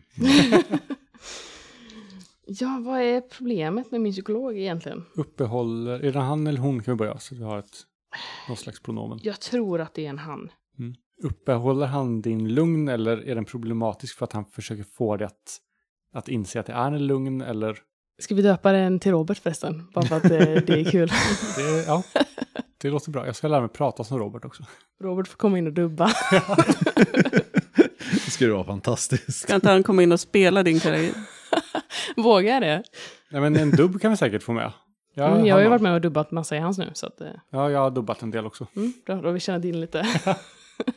Lite goodwill. Jag har också dubbat för... Ja men Ja, vi har sådär. alla gjort det. Anna också. Han, ja, Mm, jag har också gjort det. nu, då är det Payback. han... Ja, men vem är Robert? Men kan han vara en som också är så här alltså förstående på ett jobbigt sätt? Som hela tiden, han berättar sanningen för dig hela tiden men du vägrar acceptera den. Eh, ja, så det, kan, det skulle han definitivt kunna vara. Han är sån här, men du, du förtjänar att vara älskad. Du förtjänar gott. Du förtjänar bara bra. Du är en god människa. Men du kan inte köpa det. Du, om du har sett Good Will Hunting, Mm, mm. Där liksom, just den här, någon som bara säger till dig hur det är och du bara köper det inte. Och någon som jag tänker mig att så här, Robert kanske är, eh, ja men lite som i så här, Good Will Hunting, att han kanske är väldigt investerad i mig. Nästan lite så här på gränsen för vad som är normalt och kanske lämpligt. Precis, han ser dig kanske, det är kanske där den problematiska delen kommer in. Att han ser dig som, på samma sätt som eh, Annie såg dig, som ett projekt. Ja, Som någonting som är så här, jag ska laga den här det här mannen. Precis, det här är mitt, mitt projekt att fixa. Kan någon fixa mig? Jag vet inte. Precis. Så ja, men då, för då har vi också den här cykliska upprepningen att du hamnar i samma position, liksom det är en helt ny fas i livet, men du hamnar i samma roll ändå. Han kanske till och med kan heta Robert Jonsson. Så vi tvingar Robert att spela en snäll person. Ska vi gå vidare? För nu har alla tre kontakter. Vi arbetar vidare på MOAS på måndag. Det enda vi har kvar nu egentligen är utrustning. Och där kan ni ju i princip skriva ner prylar som ni tycker känns logiska att ni har. Räknar man med att alla har en smartphone? Ja. Eller något med Okej. Ja, men utrustningslistan är ju Idag. idag. Alltså jag, jag har nog bara, nog bara min typ iPhone och min, och min eh, Mac-laptop. Du nämnde ju på glasögon långt ner i väskan också. Ja, ja, eh, alltså ska vi vara så detaljerade, typ så här tre kjolar. Nej, men skriv upp saker som är så här viktiga. För att du har glasögon men har gömt dem Ah, okej. Mm. gör ju att de faktiskt har relevans. Jag, tänk, jag har ju någon form av nostalgigitarr. Alltså den som jag har haft med mig hela livet. Ja, kanske en gammal eh, Stratocaster. Ja. Jag tänk, nu tänker jag att det är någon sån stålsträngad, En akustisk. akustisk Mm. egentligen. Kanske den du fick i present av din mamma när du gick ur gymnasiet. Precis. Som var den som var så här, ta din chans liksom, här har du en gåva att, Mm. att göra någonting med. Fast då kanske inte den är nostalgisk, då kanske det är negativa minnen med den. Faktiskt. Jag tänker snarare eventuellt att det kanske är någon slags nylonsträng, alltså en gammal gitarr. Antingen som jag fått av min farfar, eller att jag fått en ny gitarr av liksom Nils gamla gitarr. Är Nils din bror? Nej, min, eh, nu Nils, jag menade gubbens gamla Ja, gitarr. ja, ja. Heter han Nils? Ja, nu heter han Nils. Min bror heter Joakim. Okej. Vi heter Elander i efternamn. Din pappa, Ja. lever han? Eller kan det vara liksom det sista du fick av din pappa innan han gick bort? Alltså att man, någon sån grej. Oh, Då läggs det ju verkligen ännu mer på den här skammen för mamma. Men så här, det är det du minns, det är det du har till minne av honom, liksom en god man som, Mm. Funderar på om jag inte har någon slags dagbok faktiskt, fortfarande. Eller anteckningsbok. Där jag skriver ner mina, allt så här, låttexter som man kommer på och tankar som man har. Eh, som från början kanske var mer liksom, låttexter och sånt, men har också nu börjat kanske skriva ner saker som gubben har eh, berättat eller roliga saker som hänt. Någonting som håller mig lite grundad så. du kanske har fyllt mängder av sådana gamla böcker Ja, ja. och bara förvarar hemma under trappen liksom. Mm. Är det fina anteckningsböcker? Alltså Moleskin eller liksom så här, Akademibokhandelns egna för 10 kronor för tre liksom. Jag tror att snarare att det är sådana Akademibokhandelns egna som är överfyllda. När man liksom skrivit i marginalen, man har ritat lite sådär. Åtminstone var det det från början. Och alltid köpt de som är på rea nu så alla är liksom olika storlekar, Ja. hårdpärm, mjukpärm, olika färger. Så här, nästan alla bladen är så pass lösa så att eh, de håller på att falla ut ur. Mm. Men det kanske är så att jag har riktigt bra pennor till. Att jag har någon sån eh, kaligrafipennor. Så Annie Nilsen, före detta Palm. För hon tog ju naturligtvis Sebastians namn när de gifte sig. Alltså det känns som att man har fått en väldigt tydlig bild av, av Annie. Och det var Annie tror jag hade sämst bild av innan. Just att det du hade skrivit tidigare var så att du hade skrivit mycket av det hon har varit med om. Mm. Men väldigt lite om vem hon är som person. Nej men det, det är nog för att för mig så är det så tydligt vem Annie är. Ja, Det är precis. så här, ja, nu, nu är hon mycket, mycket tydligare för mig också. Jag tycker alla rollpersoner och alla SLPS känns som, som personer. det känns som man har träffat instanser utav alla tre karaktärerna Mm. i, Oh ja. vid något tillfälle i sitt liv. Då är vi färdiga. För vi kommer lägga upp kampanjen så att vi kommer börja med en tillbakablick när ni är på klassutflykt för tio år sedan. Det kommer liksom vara, ni kommer spela er själva som tonåringar. Vi kommer använda era stats här, men där ni känner att världen är annorlunda eh, när ni är unga kan ni ju liksom slå ett annat värde liksom. Till exempel Moas datavetenskap kanske inte var tre pluttar när du var 19. Nej, Eller 18 så. Eh, Efter det så kommer ni ha varsin personlig prolog på One Shot där vi träffar er i nutid. Och sen kommer vi köra, i, i, köra igång den gemensamma stora kampanjen. Så man kan säga att vi kommer ha fyra stycken inledande spelträffar. Eh, Den första tillbakablicken kanske till och med blir två speltillfällen. Och sen kommer vi köra igång liksom själva kampanjen. Och huvuddelen av kampanjen kommer förmodligen bli relativt sett kort då. Eftersom vi har så mycket förarbete. Så jag kommer inte köra 4 till 5 förträffar och sen 10 till 15 i huvudkampanjen liksom. Utan tillsammans blir det en hel kampanj. Jag tror jag kom på ett citat till min relation med Nils. Mm. Och varför den är så bra och viktig för mig. För att han är en sån där skön snubbe som... eh, Alltså, man måste inte vara så jävla bra hela tiden.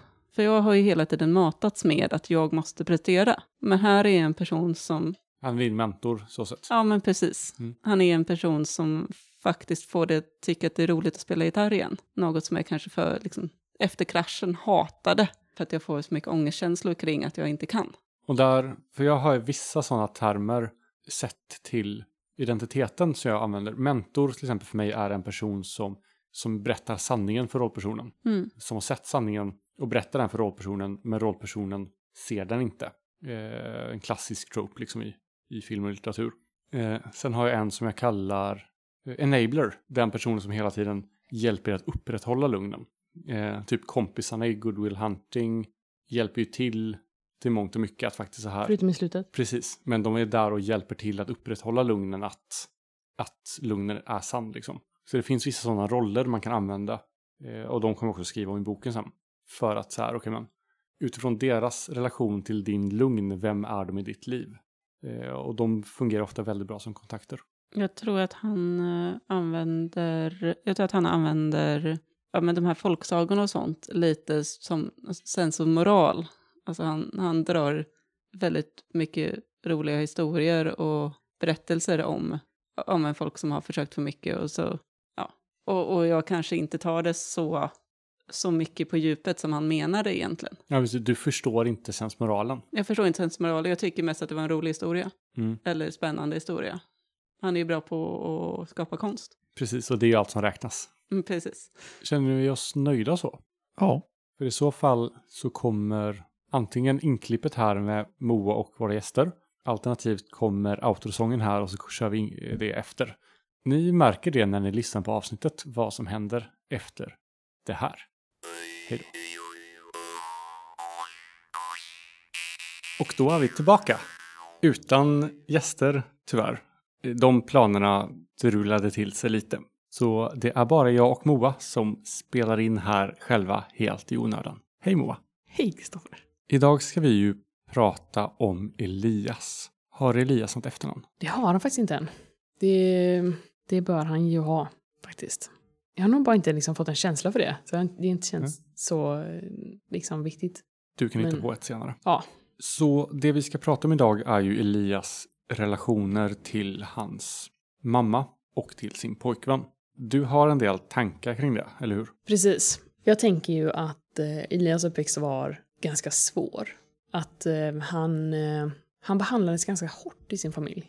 Eller väldigt liksom strängt och, och kärlekslöst.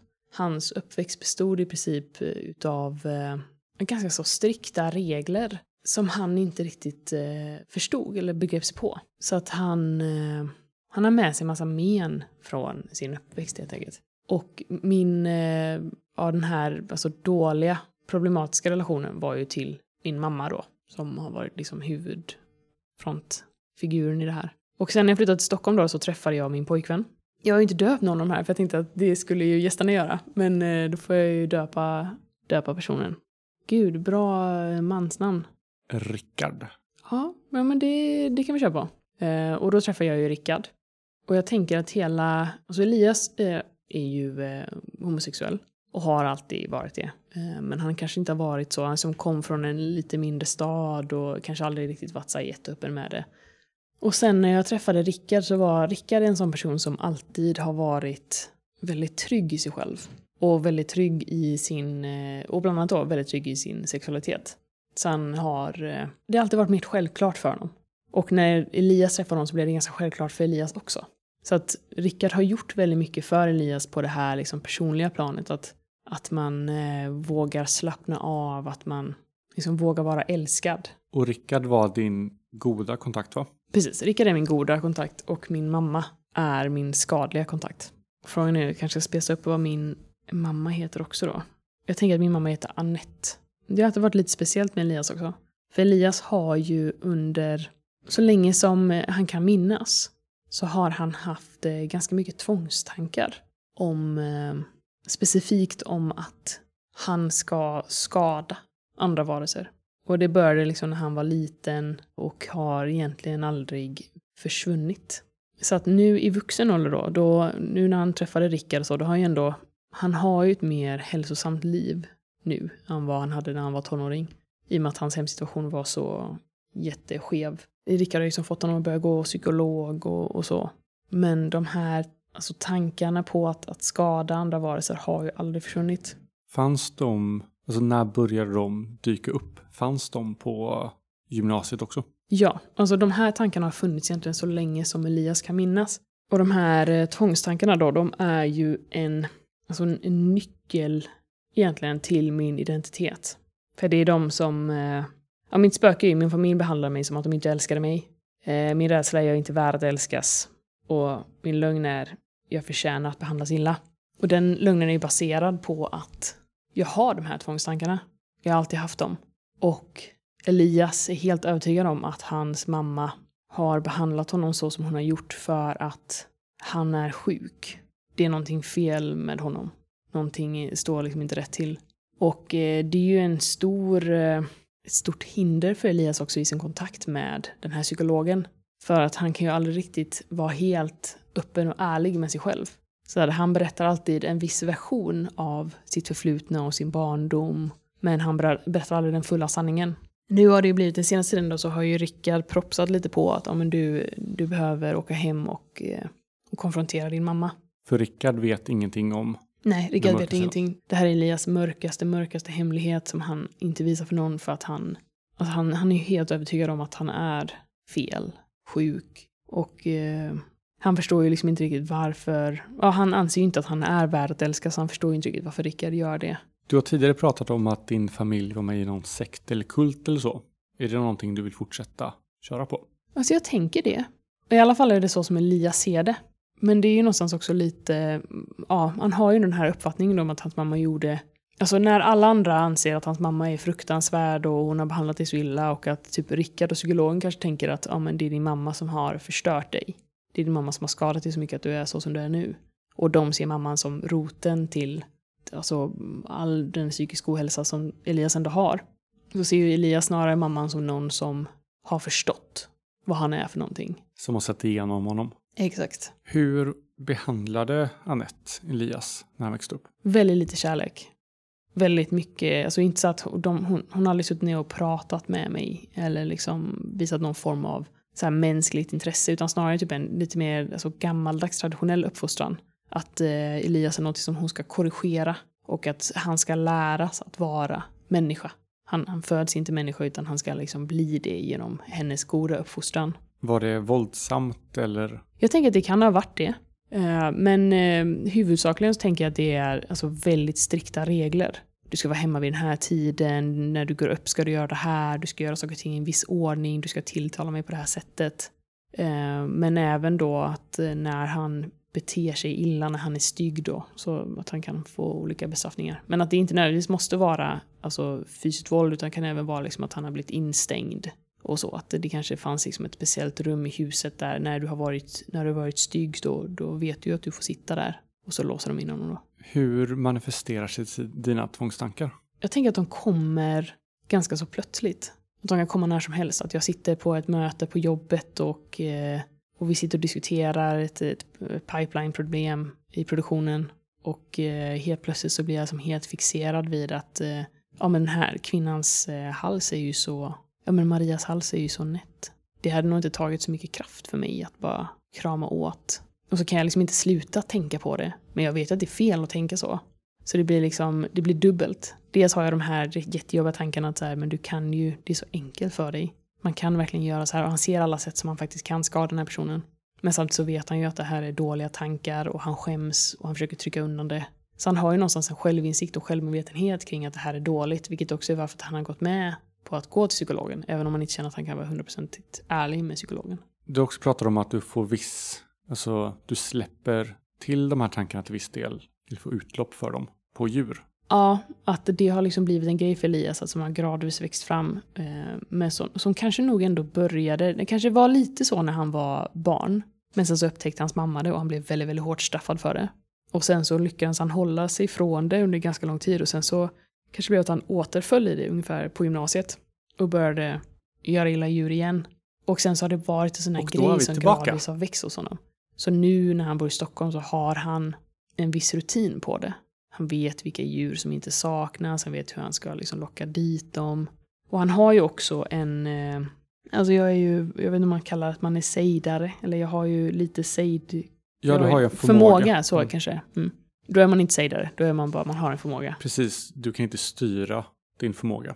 Nej. Att vara sejdare innebär att du styr magin. Då, men jag har ju en, för, en förmåga då att jag har förhöjd empati. Vilket gör att jag kan känna det de känner. Så jag har haft en liten tanke om att, att, att det är ett sätt för alltså, att Elias liksom blir lite besatt av den här smärtan som han orsakar. Har han svårt att känna saker emotionellt annars? Och att, att känna djurens smärta som han åsamkar är liksom ett sätt för Elias att känna någonting själv. Jag har tänkt lite så, att det ska vara så. Alltså att han är ganska avtrubbad generellt. Men när han känner den här smärtan så känner han faktiskt saker på riktigt. Och det enda som ungefär kanske lite kommer i närheten till det här, det är det han känner för Rickard då. Alltså Rickard är den person han har kommit närmast till att faktiskt så här, känna saker för. Och Elias har ju en väldigt så här, svartvit bild av världen. Det finns dåliga människor, som jag då. Och sen finns det bra människor, som Rickard. Det finns ju ingenting, Rickard kan ju inte göra fel i Elias värld, utan Rickard är snäll och god och, och, och allting som en människa ska vara. Och allting som Elias också själv vill vara. Och någonstans är det lite den alltså så här, bilden han har av även sina gymnasiekompisar, men även mamman. Han ser ju inte mamman som en, en, en dålig människa. När alltså Rickard och psykologen vill att han ska åka tillbaka och konfrontera mamman, så då, Elias går ju med på det enbart för att han vill åka tillbaks och fråga varför är jag så här? För han tänker att mamman sitter på svar. Elias övriga familj, hade du syskon, en närvarande pappa? Och i så fall, vad var deras roll i uppväxten? Jag har funderat på det. Jag har inte några bra svar. Jag tänker att jag har haft en pappa. Men att han har varit väldigt, eh, alltså det är Anette som har varit den eh, säga, drivande kraften i min uppfostran. Men jag har ju haft en pappa och det är inte så att han har varit så här mesig egentligen utan han har ju varit med på noterna. Det är bara att det är Anette som har styrt. Kanske varit ointresserad? Jag tänker att han håller med Anette. Alltså, han, alltså de delar sin uppfattning om mig. Det är bara att, eh, det, är bara att det är hon som är drivande. Och eh, vad de än är involverade i. Alltså, jag tänker mig att det Elias minns är liksom att de gick på möten och att han ibland kom in och kunde, alltså att, att Anette och hennes man då hade massa olika vänner som de träffades, eh, som de träffade i lite olika sammanhang. Där eh, Elias kanske ibland har gått in på dem när de har suttit och alla har suttit i en ring och kanske man har haft underliga kläder på sig. Eller inga kläder alls eller så här. Nå, alltså någonting som varit udda. Eh, och eh, båda föräldrarna är med i det. Och jag tänker att alla, eller ja, nej, det är i och för sig, jag vet inte om alla där har behandlat mig lika illa som mina föräldrar gjorde. Kanske. Jag har inte riktigt... Vi kan utforska det i tillbakablickar också. Ja. Både vad det handlar om och hur du var behandlad och sånt där. Men det är definitivt någonting som mina föräldrar sysslar med. Som båda är involverade i. Och troligtvis någonting religiöst eller någonting åt det hållet kanske. Ja. Jag tror att Elias har liksom inte förstått vad det är. Och hans minnen nu när han är vuxen är ju inte så jätte... Så pass tillförlitligt att han skulle kunna lista ut vad det var. Hur långt är det längst du har gått med dina tvångstankar? För du har inte dödat människor än, eller hur? Nej. Eh, Ja, det längsta jag har gått... Eh, men jag tror nog definitivt att jag har haft ihjäl djur. Och då är det ju oftast så här... eh, Ja men så här ekorrar eller möss eller råttor. Saker som är lätta att få tag på. Det är inte katter och hundar och... Det kan ha varit en del katter också. Hundar är ju svårt för att så här, då kommer någon sakna dem. Mm. Så det är lite mer så här att eh, Elias har ändå played it safe. Men definitivt katter som har strukit omkring. Men det är också lite så här, lite farligt och lite nervkittlande i sig. Alltså jag vet att det här djuret kommer saknas av någon. Men även så här kaniner, gått in och plockat i folks trädgårdar när de har haft sina utomhusburar och så han har verkligen, han har liksom haft vissa sådana kvällar där han känner att han måste gå ut och göra någonting. Och då är det ju sånt han letar rätt på. Finns det någon sexuell njutning för Elias i det här? Nej, jag tror inte det. Jag har tänkt på det, men jag tror inte det. Utan det är mer bara den här att man, att man känner någonting, att man känner en koppling till världen. Att man, att man är en med och en del i allt det här som alla andra är införstådda med. Ett slags kanske liksom mentalt självskadebeteende fast genom att skada andra och du känner det de känner liksom. Ja, men definitivt. Alltså, och sen även också skammen och skulden efteråt. Så det är ju definitivt en typ av självskadebeteende. Men bra. Jag tror vi har lite koll då på Elias. Och just det, angående syskonen så är jag inte så här... Eh, jag vet inte om jag har några. Jag har inte riktigt tänkt så långt. Det enda jag tänkte är så här väldigt specifikt är att jag har, jag har en mamma och jag har en pappa. Och de har varit så. Men om jag har syskon så har inte de varit som, som jag. Det är typ det jag har kommit fram till. Att, så här, att om jag skulle haft så här, någon, och då tänker jag typ att jag har haft max kanske två eller något sånt där. Om jag har haft syskon. Och då är det så att de är, de är mer som mina föräldrar. De är ju normala människor. De är, eller så här, riktiga människor. Inte som jag. Och att så här, det har varit en väldigt tydlig uppdelning mellan mig och resten av familjen.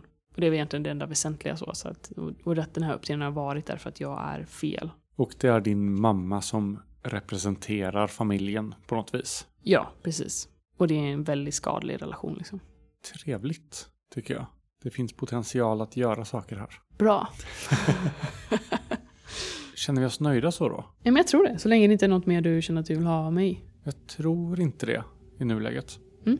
Så vi tackar så hemskt mycket för att ni har lyssnat.